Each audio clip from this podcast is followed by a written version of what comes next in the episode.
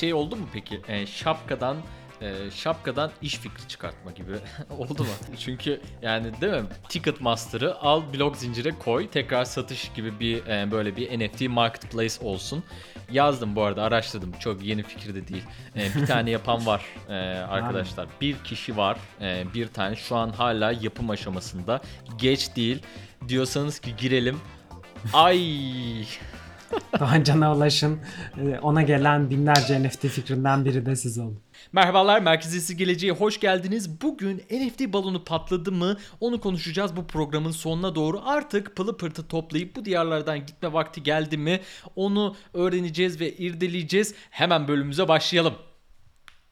Doğancan NFT fiyatları gittikçe aşağılara iniyordu. Artık e, Bored Yacht Club gibi ünlü koleksiyonların ta 105 eterleri görmüşken 73 etere kadar fiyatının düşmesi bizi gerçekten üzüyordu. Hani bunun yanında kriptolar da bir tık düşüyordu, düşmüyordu değillerdi. Ama NFT'lerde çok büyük bir hüsran vardı. Ta ki bir şey olana kadar. Bir satın alım. Bildiğin gibi Bored Yacht Club'ın arkasındaki Yuga Labs, Larva Labs'i satın aldı. Daha doğrusu Larva Labs'ten Meebits ve CryptoPunks koleksiyonlarını satın aldı. Yani Larva Labs iki kere koleksiyonunu satmış oldu ve daha sonra bu koleksiyonların fikri mülkiyet haklarını koleksiyon sahiplerine verdi. Büyük hamle. E böyle olunca ne oldu? Bir anda yeni bir şeyler oluyor NFT dünyasında diyerek fiyat hareketi ters döndü ve NFT'ler tekrar eski koltuklarına geri dönmeye başladılar. Neredeyse 95 Ether civarlarında biz bu bölümü çekerken bir Bored Ape'in fiyatı. O yüzden balon vardı, patladı ama çok patladım dedi geri mi döndü? Öyle bir şeyler oldu sanırım. E şimdi bu nasıl oluyor? Bu, bu bir balon kavramını da bir konuşalım o zaman. Her şey bir balon mu? Böyle e bu balon diyorsun şimdi buna. NFT'ler böyle kocaman balon balon balon. E o zaman her seferinde böyle patlayacak mı? Ya kocaman bir patlama olursa ya da e, böyle Yuga Labs gibi büyük alımlar e, nasıl etkiler? Veya şöyle sorayım. Bu etki Yuga Labs'in etkisi kısa dönemli olup tekrar aşağı yönlü hareket e, tekrar canlanabilir mi?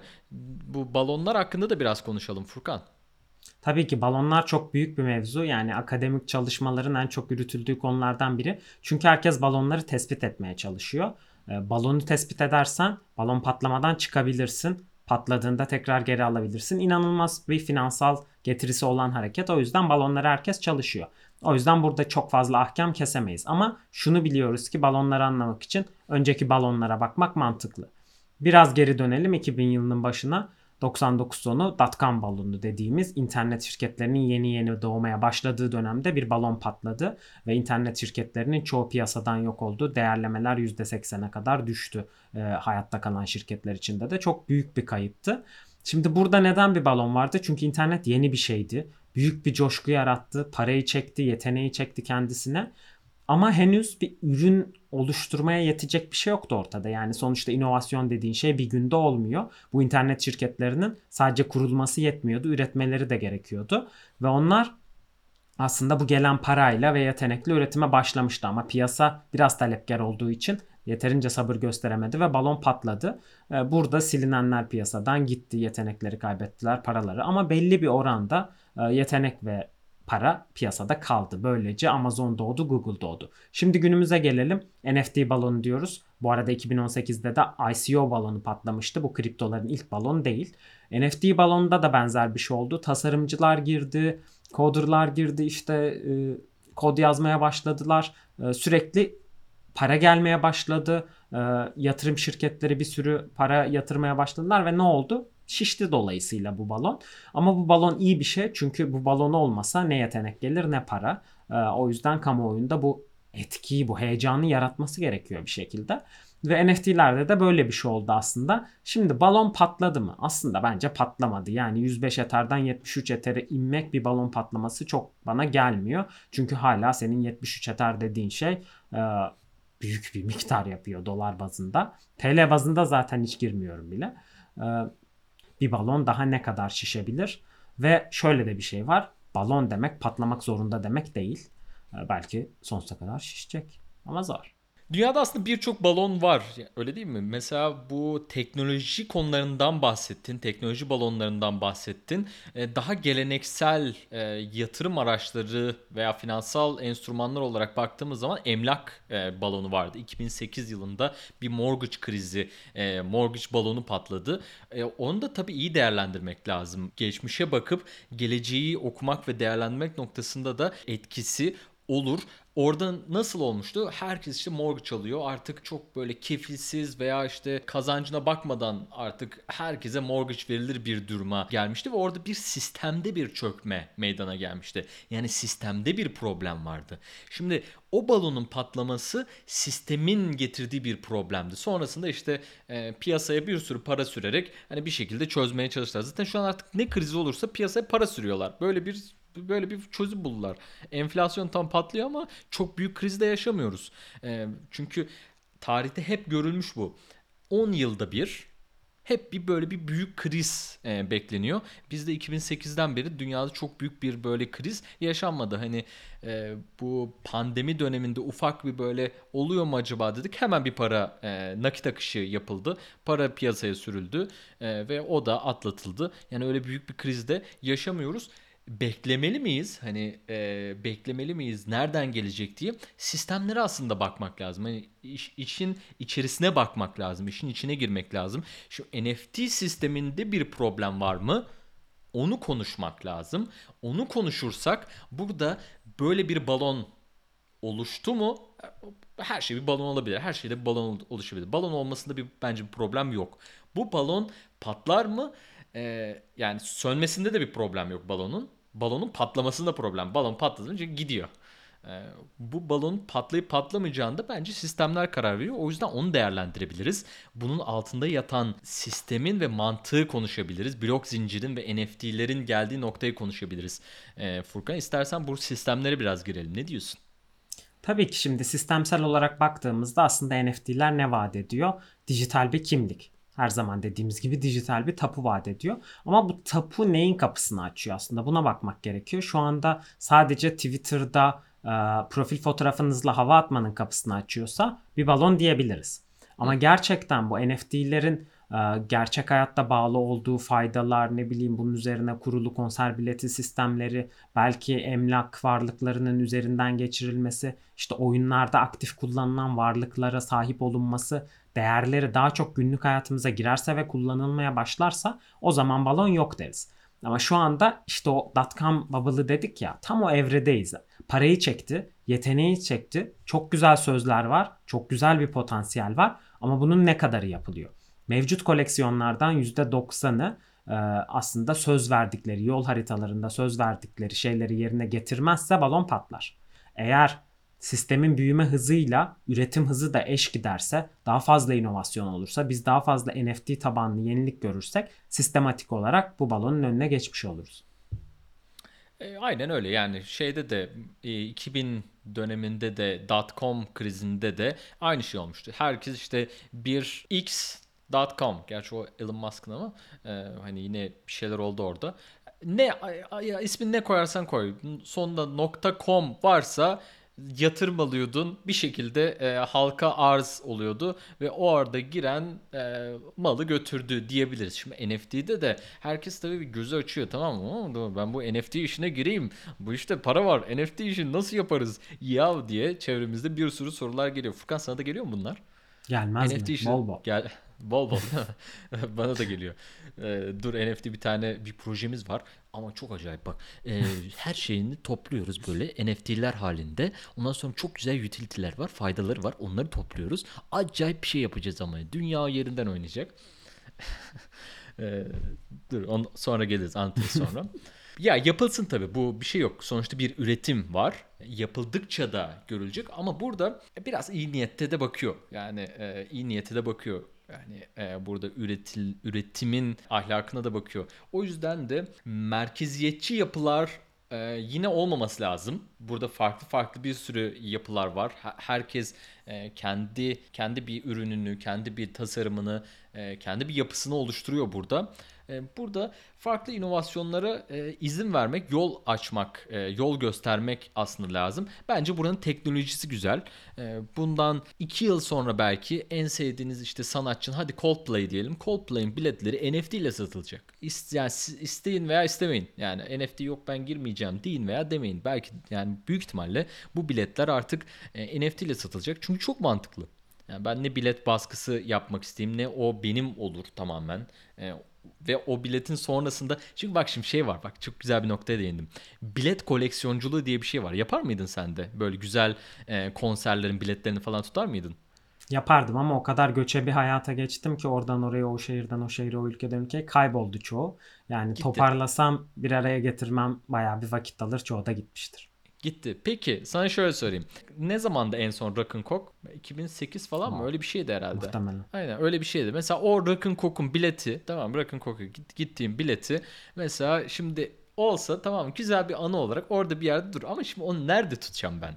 Tamam kime nasıl göstereyim? İşte kağıt parçası gidiyor. Ama şimdi dijitalde olsa bu blok zincire yazılmış olsa ben bunu sergileyebilirim, tutabilirim elimde. Orada bulunduğumun bir sahiplenme duygusunu yaşayabilirim. E şimdi bu konser verenlerde gruplar veya etkinlikler ona ekstra böyle değerler de katabilirse işte bu bileti alanlara e, bilmiyorum işte şöyle bir poster, şöyle bir e, CD'nin işte ön sürümü gibi bir şey de verildiği zaman o çok değerli bir hale gelebiliyor. Tamam. Şimdi bu güzel şeyler bunlar. Hani e, bu değerleri görmek e, önemli. Yoksa işte e, herkes 10 bin, e, 10 bin işte 10 bin rakamlı şeyler, e, koleksiyonlar çıkartıp işte hemen hızlı bir paramı çıkartayım e, derse sadece buraya odaklanırsa evet o balon e, patlar insanların da buna dikkat etmesi lazım. Doğru. Şimdi bilet noktasında da mesela birkaç tespiti de buradan paylaşmış olayım. Yani bileğin, biletin tek değeri aynı zamanda saklamak değil. Bunun mesela bir kara borsa boyutu da var. Siz burada tamamen transparan bir blok zincirinde bilet tekrar birilerine satılmış mı görebiliyorsunuz. Eğer siz organizatör olarak buna izin veriyorsanız bunun ikinci, üçüncü satışından para kazanıyorsunuz. %5, 10 önceden belirlediğiniz pay otomatikman size geliyor. Bunun yanında eğer buna izin vermiyorsanız herhangi bir şekilde el değiştirdiğini görürseniz bileti geçersiz kılabiliyorsunuz. Böyle kara borsayla mücadele gibi bir yan faydası da var mesela. Şey oldu mu peki? E, şapkadan e, şapkadan iş fikri çıkartma gibi oldu mu? E, çünkü yani değil mi? Ticketmaster'ı al blok zincire koy. E, tekrar satış gibi bir e, böyle bir NFT marketplace olsun. Yazdım bu arada araştırdım. Çok yeni fikir de değil. E, bir tane yapan var e, arkadaşlar. Bir kişi var. E, bir tane şu an hala yapım aşamasında. Geç değil. Diyorsanız ki girelim. Ay Doğan Can'a ulaşın. Ee, Ona gelen binlerce NFT fikrinden biri de siz olun. Şöyle bir şey anlatalım. Yani neyden bahsettim? Bunun merkeziyetsiz kalması gerekiyor dedin aslında ama çok da kalmayacak gibi duruyor. Çünkü geçmiş haberlere biraz bakalım. Nike ne yaptı? Artifact stüdyosu aldı. Dijital e, spor ayakkabılar tasarlayan e, bir stüdyoydu. Şimdi Nike kendi markasını aslında oyunlara ve dijital varlığına taşıyacak. Bu biraz merkeziyetsizliğe tehdit mi aslında? Bunu konuşabiliriz. Çünkü başka söylentiler de var. Mesela burada e, Disney'in çok büyük bir alım yaparak piyasaya gireceği söyleniyor. E, acaba kimi alacak, hangi koleksiyonu alacak diye spekülasyonlar var. Ve hatta Disney CEO'su bir e, koleksiyonun boardunda üye oldu diye şimdiden o koleksiyonun fiyatları artmış durumda. E, bu tür durumlar var. Bu geleneksel dünya NFT dünyasına girdikçe bu merkeziyetsizliğe bir tehdit mi olacak? Acaba entegre olabilecekler mi bu sisteme? Ee, bu şirketleri koruyan fikri mülkiyet gibi bir sürü unsur var. Acaba onlar tehdit altına girince bu şirketler şu anki değerlemelerini görebilecek mi? Pek çok soru var kafamda. Sen bir yerden al götür de ben araya gireyim sonra. Çok güzel bir noktaya parmak bastın. Disney'in eski CEO'su Bob Iger da e, bir metaverse şirketi Genius'a e, yönetim kuruluna danışman olarak e, girdi.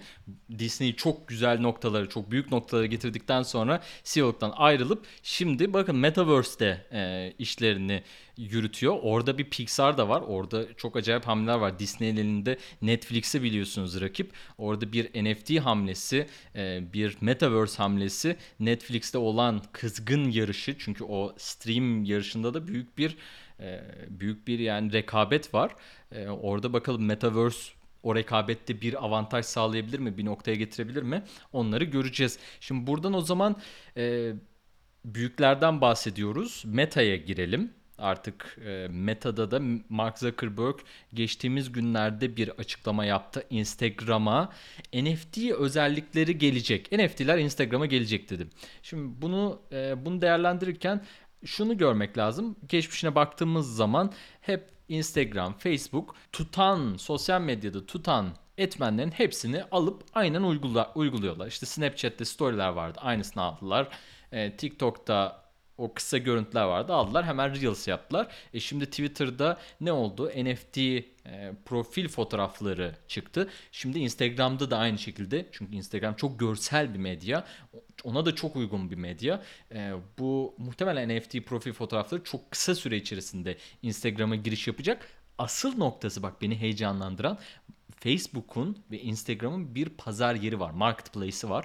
O pazar yerinin içerisine sokarsa bu NFT'leri ee, ve bu pazar yerinde NFT'leri direkt oradan alacak bir sistem, bir kolay bir sistem oluşturabilirse o çok acayip olabilir. Yani direkt Instagram'dan giriyorsun mesela bakıyorsun burada NFT varmış. Güzel takip ettiğimde biri ee, bir avantajı yani Instagram'da almanın da bir avantajı olursa e, buradan direkt alabileceğim bir noktaya gelebilirsek e, çok acayip yerlere de gidebilir Furkan.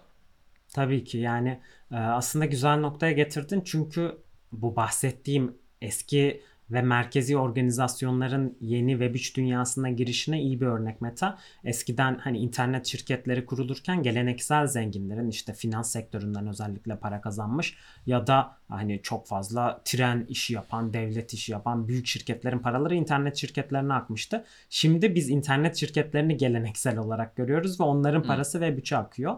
Ee, aynı zamanda şirketlerin de bir şekilde entegre etmeye çalışıyorlar ki alakasız kalmasınlar piyasaya. Şimdi burada Instagram'ın nasıl entegre edeceği çok önemli dediğin gibi. Sadece bir profil fotoğrafını ispatlama e, şeklinde gelirse Instagram zaten insanların birbirine hava atmasından geçilmeyen bir platform olmakla çok eleştiriliyor. Artık burada el büyütmüş olur ve sadece gösteriş platformu döner. Ama eğer söylediğin gibi pazar yerini kullanırsa ve NFT'ler alınır satılırsa o zaman iş başka bir yere gider. Son tüketiciye daha çok kolayca erişebilen bir pazar yeri alternatifi olur. eBay de şu anda NFT'lerle pazar yeri kurmaya çalışıyor mesela. Hmm. E, o da yine orada bir rakip. E, burada Yine işte endişem bu yani. Yine geleneksel şirketlerin yarışına dönmesi olayın.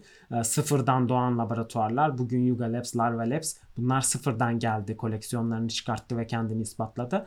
daha çok böyle NFT dünyasında ve Web3 dünyasında doğmuş şirketlerin başarıları beni daha çok şey heyecanlandırıyor şahsen. Evet Bak şimdi bir biraz daha şöyle makro ölçeğe bakalım o zaman. E, çünkü bu merkeziyetçi yapılar, büyük şirketler bunları elinde tutuyor dedin. Şimdi bu şirketler nasıl yapıları var? Onları da bir ufak konuşalım. Bunlar konglomerat şirketler deniyor. Holding şirketler. Yani nasıl? İşte e, Facebook nasıl mesela Instagram onun çok büyük bir rakibi görsel tarafta öz, mobil tarafta özellikle çok büyük bir rakibi gidiyor oluyor. Foursquare mesela gidiyor oluyor. İşte eBay aynı şekilde mesela PayPal alıyor. Değil mi? Bunlar kocaman böyle ala ala büyük parçalar haline e, dönüyorlar ve e, bu parçaları bir bir şekilde hani işleterek daha fazla işte ben burayı da alayım, bunu da alayım şeklinde ilerliyorlar. O yüzden tabii bunların etkisi e, daha büyük oluyor bu holding şirketlerin ve bu holding şirketler e, metaverse'te yani iş yapmaya başladıkça aslında burada daha fazla bir ister istemez ya bir balon oluşacak ya da hani burada insanlar daha fazla hani bunu duymaya başlayacaklar. Buraya daha fazla gir, girenler olacak. Şu yarışı da izlemek değişik olacak ama. Yani burada direkt Meta'nın kurduğu Metaverse'e mi gireceğiz? Instagram üzerinden kurulan e, marketplace'lere mi gireceğiz? Yoksa daha e, merkeziyetsiz olan yapıları daha henüz bir merkeziyetsiz e, böyle bir NFT mark büyük bir NFT marketplace henüz herhalde görmedik. Yanlışım varsa düzelt beni. Ee, ama o merkeziyetsiz yapılar nasıl kurgulanacak? Çünkü şirket yapıları da artık bu merkeziyetsiz e, merkeziyetsiz sistemleri biraz adapte olmaya çalışıyorlar. Nasıl diyelim ya? Merkeziyetçi de çok olmasın gelecek Furkan. Doğru ama şöyle bir şey var. Mesela illa bir ya da sıfır meselesi değil. Yani Meta kendi metaverse'ünü yarattı diye herkes gidip oraya girecek diye bir şey yok. Şu anda hani gördüğüm kadarıyla oynamaya çalıştıkları alanlar da biraz farklı. İşte Decentraland'de kendi kurduğun bir dünyada yer alıyorsun. E, Meta'nın Metaverse'ünde biraz daha kurulu bir dünyanın içerisine girip yer alıyorsun. E, ki orada mesela tamamen iş dünyasını hedefleyen çözümler var. Toplantılarınızı burada yapın, ofisinizi buraya taşıyın. Ama Decentraland'de ne oluyor? Konserler oluyor, etkinlikler oluyor, daha sosyal ortamlar. Şimdi zaten internet çağı ilerlerken bu örnek veriyorum influencerlar falan da kendi nişlerini oynamaya başlamışlardı. Çok spesifik bir alanda içerik üretiyorlardı. Çok spesifik insanları hedefliyorlardı. Çünkü internet komüniteleri büyüdükçe aslında bu insanlar da dünyanın her yerinden birbirini buluyor ve sayım, sayıları azımsanamayacak noktaya geliyor. Yani sen çok niş bir şeyle ilgilenen 10 bin insanı bulabiliyorsun. Ve hedef kitleni böyle daraltarak aslında onu oynayabilirsin. Yani illa yarını Decentraland mi Metaverse olacak yoksa Meta'nın Metaverse Horizon mu olacak? Buna gerek yok. Çünkü herkes kendine o dünyalarda bir şeyler bulabilir ve sen işin için gidip Meta'nın Metaverse'ünde çalışıp sonra akşam konsere gitmek için Decentraland'da kendini bulabilirsin. Güzel. Pub crawl gibi. Oradan oraya gezelim. Buradan buraya. Ee, bu akşam buradayız. Eve gittim ama konseri şuradan izleyeyim. Ee, dur konsere şöyle bir katılayım. Ee, bunlar olacak tabii ki ya. Ee, NBA'de falan var bu. Ee, NBA'de artık gözlükle böyle e, sahanın direkt en önünden saha biletiyle maçları izleyebiliyorsun. Ee, ben henüz deneyimleme şansı elde etmedim ama yani çok yakın zamanda hani onu, onu bir test edeceğim. Ya çok acayip gözüküyor. Mesela yani orada oradaymışsın gibi videolar falan e, çok çok acayip duruyor. E, bunlara artık yani bilet kesilir e, hale gelecek yani. E, ve yani çok acayip noktalara gidecek yani. Bu gözlükle artık bu bilgisayar ekranlarından e, sadece gözlük olmasına da gerek yok bu arada. Yani Metaverse'de Metaverse deyince aklımıza sadece gözlük gelmesine gerek yok. Yani bilgisayardan da Metaverse'e girebileceğiz. E, saatten de Metaverse'e girebileceğiz. Telefondan da Metaverse'e girebileceğiz. Tabii yani- gire- giremeyecek miyiz? Kesinlikle gireceğiz ve hayatımıza bir şekilde entegre olacak. Biraz hani bu Metaverse'in gittiği yönü aslında görebiliyoruz. Ama ben mesela NFT'lerin gittiği yönü aynı netlikte göremiyorum. Çünkü e, şu anda nasıl çalışıyor NFT'ler? Hep ilk başta herkes kendi eserini koyuyordu. E, belli büyük müzayedeler oluyordu. Hatta Beeple'ın 69 milyon dolara eseri satıldı. Böyle tek tek parçalarda eserler oluyordu. Daha sonra NFT dünyası 10 bin parçalık koleksiyonlara döndü. İşte 10 bin, 8888, 5500 falan. Böyle belli sayılar var, kutsal sayılar ve bu sayılarda koleksiyonlar ortaya çıkmaya başladı ve biraz ona evrildi. Şimdi Metaverse entegre olacak diye dijital varlıktan bahsediyorsak bu 10.000 parçalar koleksiyon tipinden mi yürüyecek NFT'ler yoksa başka bir forma mı evrilecek bunu merak ediyorum. Çünkü hani bu 10.000 parça mantığı aslında çok da gerekli değil Metaverse'ün bir parçası olmak için. Ee, Burada birkaç soru işareti var kafamda açıkçası. Ne olacak sence? Bu 10.000 parçalı koleksiyonlar e, hani bence devam eder. Yani o koleksiyonculuk çünkü koleksiyonculuk kavramı da var. Şimdi Furkan bak yani eskiden küçükken mesela ne yapıyordum biliyor musun? Euro 2000, Euro 2002 miydi ya? Hangisi? 2000 ya da 2002. O zamanlar böyle şeyler vardı. e, dergiler. İşte kart alıyordum mesela. Kartlar çıkıyordu. Pa- 50 kuruş bir tane kart. Bir paket çıkıyor mesela. içinden 5 tane alıyorsun. İşte oyunculara göre e, yapıştırıyorsun. İşte Ruud van Nistelrooy falan. Üf, Hollanda kadrosu var ya çok iyi takımdı. Ben yapıyordum mesela. Müthiş koleksiyonculuk. Şimdi nerede? Yok tabi de. Ee, yani onlar bilmiyorum belki devam ediyordur ama yani o koleksiyonculuk durumu da var hala. İşte beyzbol kartları gibi var. Basketbol kartları var. işte futbol kartları. Bir sürü böyle hani o koleksiyonculuk durum var. Bence koleksiyonculuk devam eder. Ee, sadece orada mı kalır? Ee, soru o. Çünkü gidebileceği bir sürü nokta var. İşte müzikler hala konuştuk bak burada programda anlattık hep. Müzik NFT'leri hala patlamadı. Daha bir ay geçti ya. Doğru. Haydi. Bekliyoruz artık gelsin bu yan faydalar. Pek çok stüdyo kuruldu. Ee, müzik NFT şirketleri de yatırımlarını almaya başladılar bu arada. Ee, o yüzden neye evrileceğini göreceğiz zamanla. Hadi biz çünkü yani hızlı zengin olmamız lazım. yine Acil yine oraya lazım. Hadi çabuk çabuk ya o çözün artık müzik NFT'sini ben anlatmayayım size.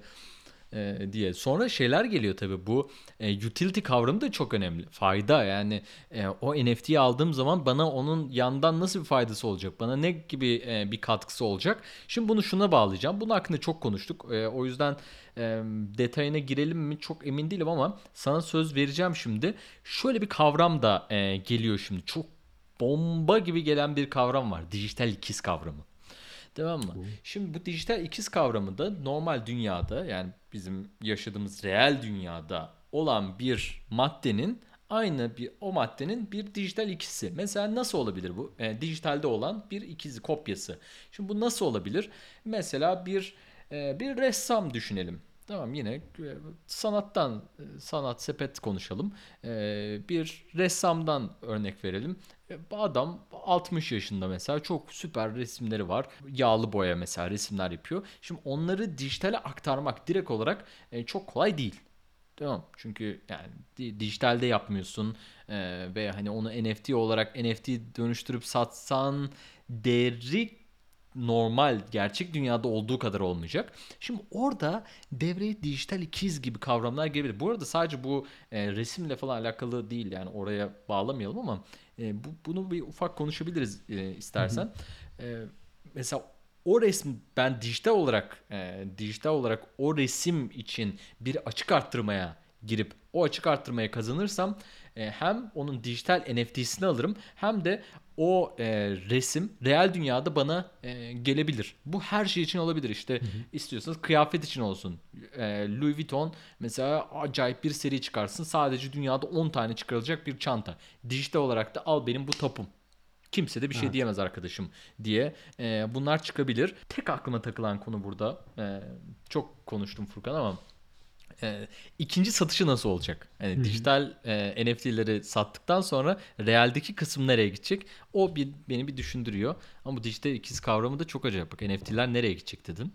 Güzel bir noktaya değindin. Hemen kafamda böyle fikirler uçuşmaya başladı ve birkaç fikir de geldi. İlk dijital ikiz dediğinde aklıma ne geldi? Yandex haritalardan giriyorlar, zoom yapıp piksel piksel şehirleri işte Eyfel Kulesi'ni aldım, Boğaz Köprüsü'nü aldım şeklinde alımlar yapıyorlar. Bu mesela kullanım bana çok saçma geliyor açıkçası. Çünkü aslında hiçbir mantığı yok yani. Herhangi bir haritayı dijitalleştirerek pikselini satmak hani yani eğer gerçekten oradan aldığım varlık benim olsa, Boğaz Köprüsü benim olsa anlarım. Burada da işte bu ihtiyaç duyuyor. Aslında sen bu dijital ikizi sadece sanalda tutar ve fizikseldeki varlığıyla bağlayamazsan anlamsız. Ama bunu bir sertifika gibi düşün. Mesela bir pırlanta yüzük aldın ve o pırlantanın taşının tipinden rengine kadar içerisinde bilgileri olan bir dijital sertifik e, kağıt sertifika alıyorsun normalde. Ama bu sertifikayı kaybedebilirsin. Eğer bunu NFT formatında alırsan senin cüzdanın o sertifikayı daima saklıyor ve doğruluyor. Orijinlerine gidecek şekilde o elmas üreticisi kimdi? Hangi usta yonttu? Bu bilgilere kadar hepsini o sertifikanın içerisinde saklayabilirsin. İşte gerçek dünyayla bu sefer bu dijital sertifikayı bağladığın anda dediğin dijital ikiz kavramı gerçekten heyecan verici noktalara gidebilir. Ee, Bu kısmında beklentilerim yüksek ama girip lütfen piksel piksel harita almayın arkadaşlar. Ya illa arsa alacaksanız illa yatırımcılığınız toprak ağlıysa Decentraland'dan, Sandbox'tan, dijital dünyalardan hiçbiri de yatırım tavsiyesi değildir. Yani platform adı sadece örnektir. Ee, Onlardan birinden almak daha mantıklı. Çünkü üzerine dijital bir varlık inşa edebiliyorsun bu sefer. Orada ne bileyim galeri açarsın, organizasyon düzenlersin. Ama aldığın harita pikseli seni hiçbir yere götürmez. Valla Furkan götürmez diyorsun da e, mekanlarda şimdi çıkıp desek fena mı olur? Kardeşim buralar hep benim bak. Kardeşim buralar hep benim bak. Bu gördüğün yerler falan hep bizim toplu malımız desek. Nerede hani nerede o topu? E işte burada bakın çıkartıyorum gösteriyorum desek. Şöyle bir hava atsak bir iki gerinsek şöyle üf benim be falan desek. Fena mı be kardeşim? Statü göstergesi bunlar. İşte bu söylemler arttıkça NFT balonu patladı mı? İlk sorusuna dönebiliriz programı kapatmadan önce. Eğer bu şekilde konuşuluyorsa sadece bir statü gösterisi ise gerçekten NFT bir balon olabilir ve patlaması beni çok korkutur. Ama diğer taraftan dediğin dijital sertifika örneği gibi kullanılıyorsa ha dur bakalım orada o zaman ne balonundan bahsediyorsun? Burada ben varlığımı nesiller boyunca ispatlayabileceğim bir dijital sertifika tutuyorum dersin. Biz teknolojisine odaklanıyoruz. Teknolojinin gideceği yere odaklanıyoruz. İnovasyonlara bakıyoruz. Bu dijital ikizler gibi farklı yerlerde nerelere gidebiliriz? Bu programı da dinliyorsanız zaten siz de bir erken adapte olan, bu teknolojilere çok erken adapte olan, bazı şeylerin farkında olan, gören ve e, biraz da işte işte böyle e, bunları dinleyip biraz bir fikir veriyordur ya. Biraz Furkan ne diyorsun? Biraz böyle zihin açıyor mudur? Yani temennim o yönde. Hani daha makro düzeyde insanlar bunu anlamak istiyorsa e, geçen hafta Devrimden Yal Hoca'yla Twitter Spaces yayını yaptık. Ve Twitter merkeziyetsiz gelecek Twitter hesabında bu yayını girip hala dinleyebiliyorsunuz bir ay süreyle galiba. E, orada bu işin daha çok felsefesine, NFT dünyası nereden geldi, nereye gitti, hani dünyada gerçekten bunu anlamak için, bu teknolojiyi anlamak için çok derin örneklerle Devrim Hoca bize anlattı. Ee, girip o yayını dinleyebilirsiniz. Kesinlikle tavsiye ederim. Burada biraz daha pratik tarafına eğilmeye çalıştık o yüzden. Ee, eminim ki birilerine ikisinin de bir şekilde faydası oluyordur Doğancan. En azından öyle umuyorum. Peki hadi gidelim. Bizi dinlediğiniz için çok teşekkürler. Abone olmayı unutmayın. Abone olun. Bizi dinleyin. Her yerde paylaşabilirsiniz. Abone olun. Ve görüşmek üzere. Hoşçakalın. Doğancan kapatmadan önce o şapkanın sırrını sorabilir miyim? Neden bu şapkayı takıyorsun? İnsanlara açıklamadın ve böyle ilginç bir şapkayla yayın yaptın. Şimdi be- ben İrlanda'dayım e, sevgili dostum Furkan. Bugün de St. Patrick's Day. St. Patrick's Day şöyle bir e, durumu var. Bunun Irish günü. Dünya İrlandalılar günü gibi artık oraya çevrilmiş. Yani bunların hani biraz dini bayram tamam ama e, daha çok böyle hani e, ulusal bir bayram haline dönüşmüş. Şans getiriyor anam. Şans. Buradan bak mesela açıyorsun tak para çıkıyor böyle kese kese. Umarız. Ee, Irish şey e, İrlandalı şansı e, diye bir kavramımız da var. Efendim bol şans diliyorum. Burada bunu dinleyen herkese e, 7 yıllık bir şans sizinle olsun. Programa bak ve genel kültür desen var. Genel kültür desem var. Büyü, e, şans verme, 7 yıllık şans oluşturma. Ha, şey de dökme. Bir tane program da yapalım. Kurşun dökme de e, böyle hani e, çok uzun sürerse bu e, piyasaların durgunluğu falan piyasalar için bir kurşun dökeriz. Yaparız. Tamam. Merkeziyetsiz gelecek. Herkes kendine çok iyi baksın. Bizi dinleyin, abone olmayı unutmayın. Bildirimlerinizi açın ki bizi ilk dinleyen ve fırsatları ilk yakalayan siz olun. Görüşmek üzere, hoşçakalın. Hoşçakalın.